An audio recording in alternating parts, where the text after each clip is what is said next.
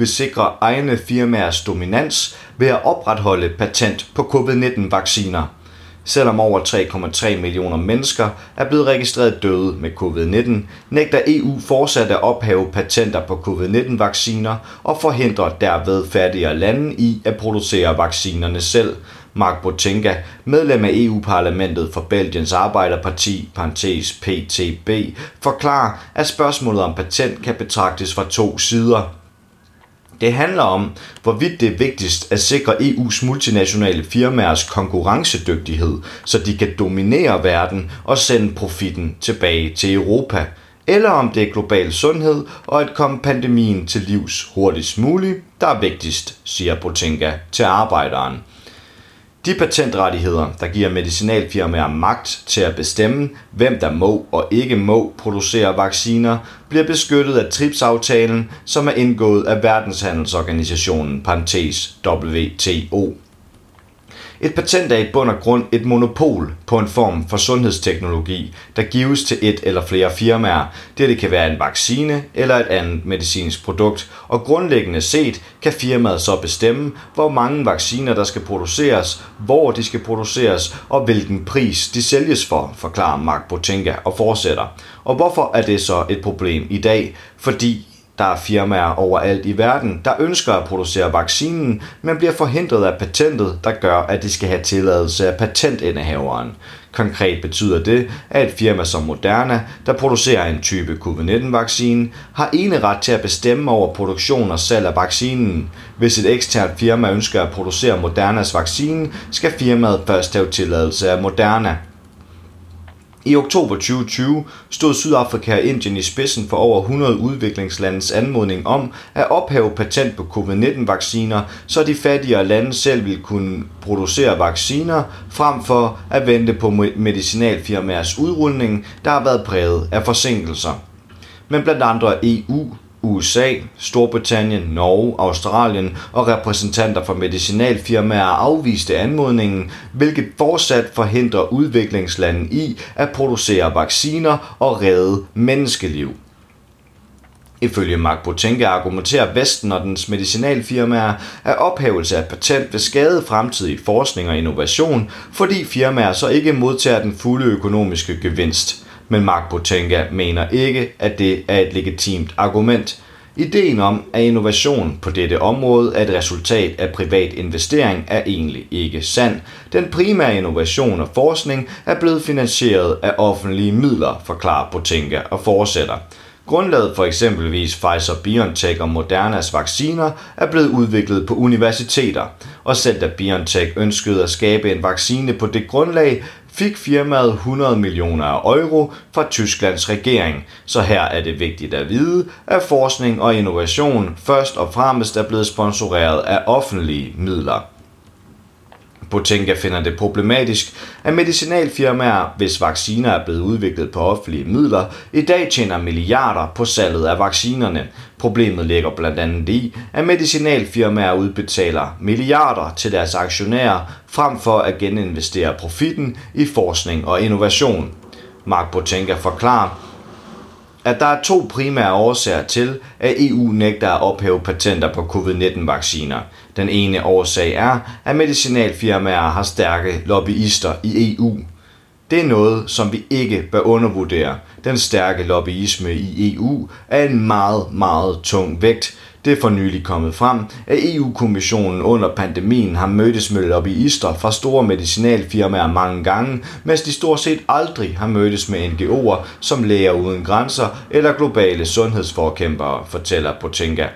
Den anden årsag til, at EU nægter at ophæve patent, handler ifølge Potenga om adgangen til teknologi.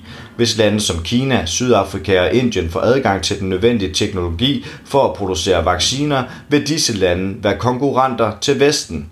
Det lyder forfærdeligt, men det handler om, hvem der har kontrol over teknologien, og om ikke at dele teknologien med økonomiske konkurrenter. Det er en forfærdelig måde at anskue global sundhed på, mener Potenka. Han anser den måde, som medicinalfirmaer Pfizer-BioNTech udpeger, hvem der må sælge vacciner og hvor, som en ny form for imperialisme. Det er også derfor, at Tyskland er så meget imod at ophæve patenter. Tyskland har BioNTech på sit territorium, og tyskerne vil kontrollere og beholde teknologien på europæiske hænder, frem for at dele den med verden, forklarer politikeren og tilføjer. Det handler om, hvilke firmaer, der dominerer verden. Hvilke fordele har industrialiserede lande og deres firmaer haft det sidste århundrede? De har haft teknologiske fremskridt, og de har gjort alt, hvad de kunne for at bevare denne ubalance. Mark Botinka anerkender, at det vil blive sværere for medicinalfirmaer at skabe profit, hvis patent på covid-19-vacciner bliver ophævet, da firmaerne så vil få nye konkurrenter rundt i verden. Men hvis du er en borger, og hvis du har brug for hjælp, så har du interesse i åben videnskab, hvor forskere fra hele verden kan samarbejde om at bekæmpe pandemier, fastslår Potenga. Det er på en måde det, der skete i januar 2020, da Kinas videnskabsmænd delte coronavirusens struktur. De opdagede og offentliggjorde den, så alle kunne arbejde med at udvikle en vaccine eller behandling så hurtigt som muligt. Botenka ser det som nødvendigt for den globale sundhed, at patent på covid-19-vacciner bliver ophævet. Han peger på Indien, der i øjeblikket ser over 4.000 registrerede covid-19-dødsfald om dagen. I Indien er der desuden blevet sporet en række nye covid-19-mutationer. Hvis folk bliver ved med at dø i Indien, er det ikke blot en moralsk skændsel. Det er også en risiko for mennesker i Europa og andre steder, fordi jo længe virusen cirkulerer, jo flere varianter kan der opstå, forklarer Botenga. Og ved hver variant må vi spørge os selv, om vores, om vores vacciner stadig er effektive, så patenter, der forhindrer lande i at producere vacciner, er ekstremt farlige. Verdenssundhedsorganisationen har lige kategoriseret den indiske variant som bekymrende variant, fortsætter han. Mark Botenka har som medlem af EU-parlamentet længe kæmpet for at få EU til at støtte ophævelsen af patent på covid-19-vacciner. Han er med i det europæiske borgerinitiativ Ingen Profit på Pandemi, der forsøger at presse EU til at ophæve patent på covid-19-vacciner ved at indsamle underskrifter fra EU-borgere. Du kan underskrive initiativet på artiklen. I maj 2020 holdte jeg min første tale om ophævelse af patent, men da vi startede vores kampagne, anså EU-folk os som fuldstændig skøre, fordi vi stillede spørgsmålstegn ved det økonomiske ortodoksi, griner Botenka. Men i dag mener han, at der er fremskridt af spore. Botenka peger blandt andet på den spanske regering og Frankrigs præsident Emmanuel Macron, der har meldt ud, at de nu er klar til at diskutere ophævelse af patent. I går snakkede jeg med kommissæren for EU's indre marked, Thierry Breton. Han fortalte, at han altid har ment, at vi burde gøre noget i forhold til patenterne. Det er nu helt sikkert ikke sandt, men det er da, men det er da et resultat af det pres, vi har lagt, siger Botenga.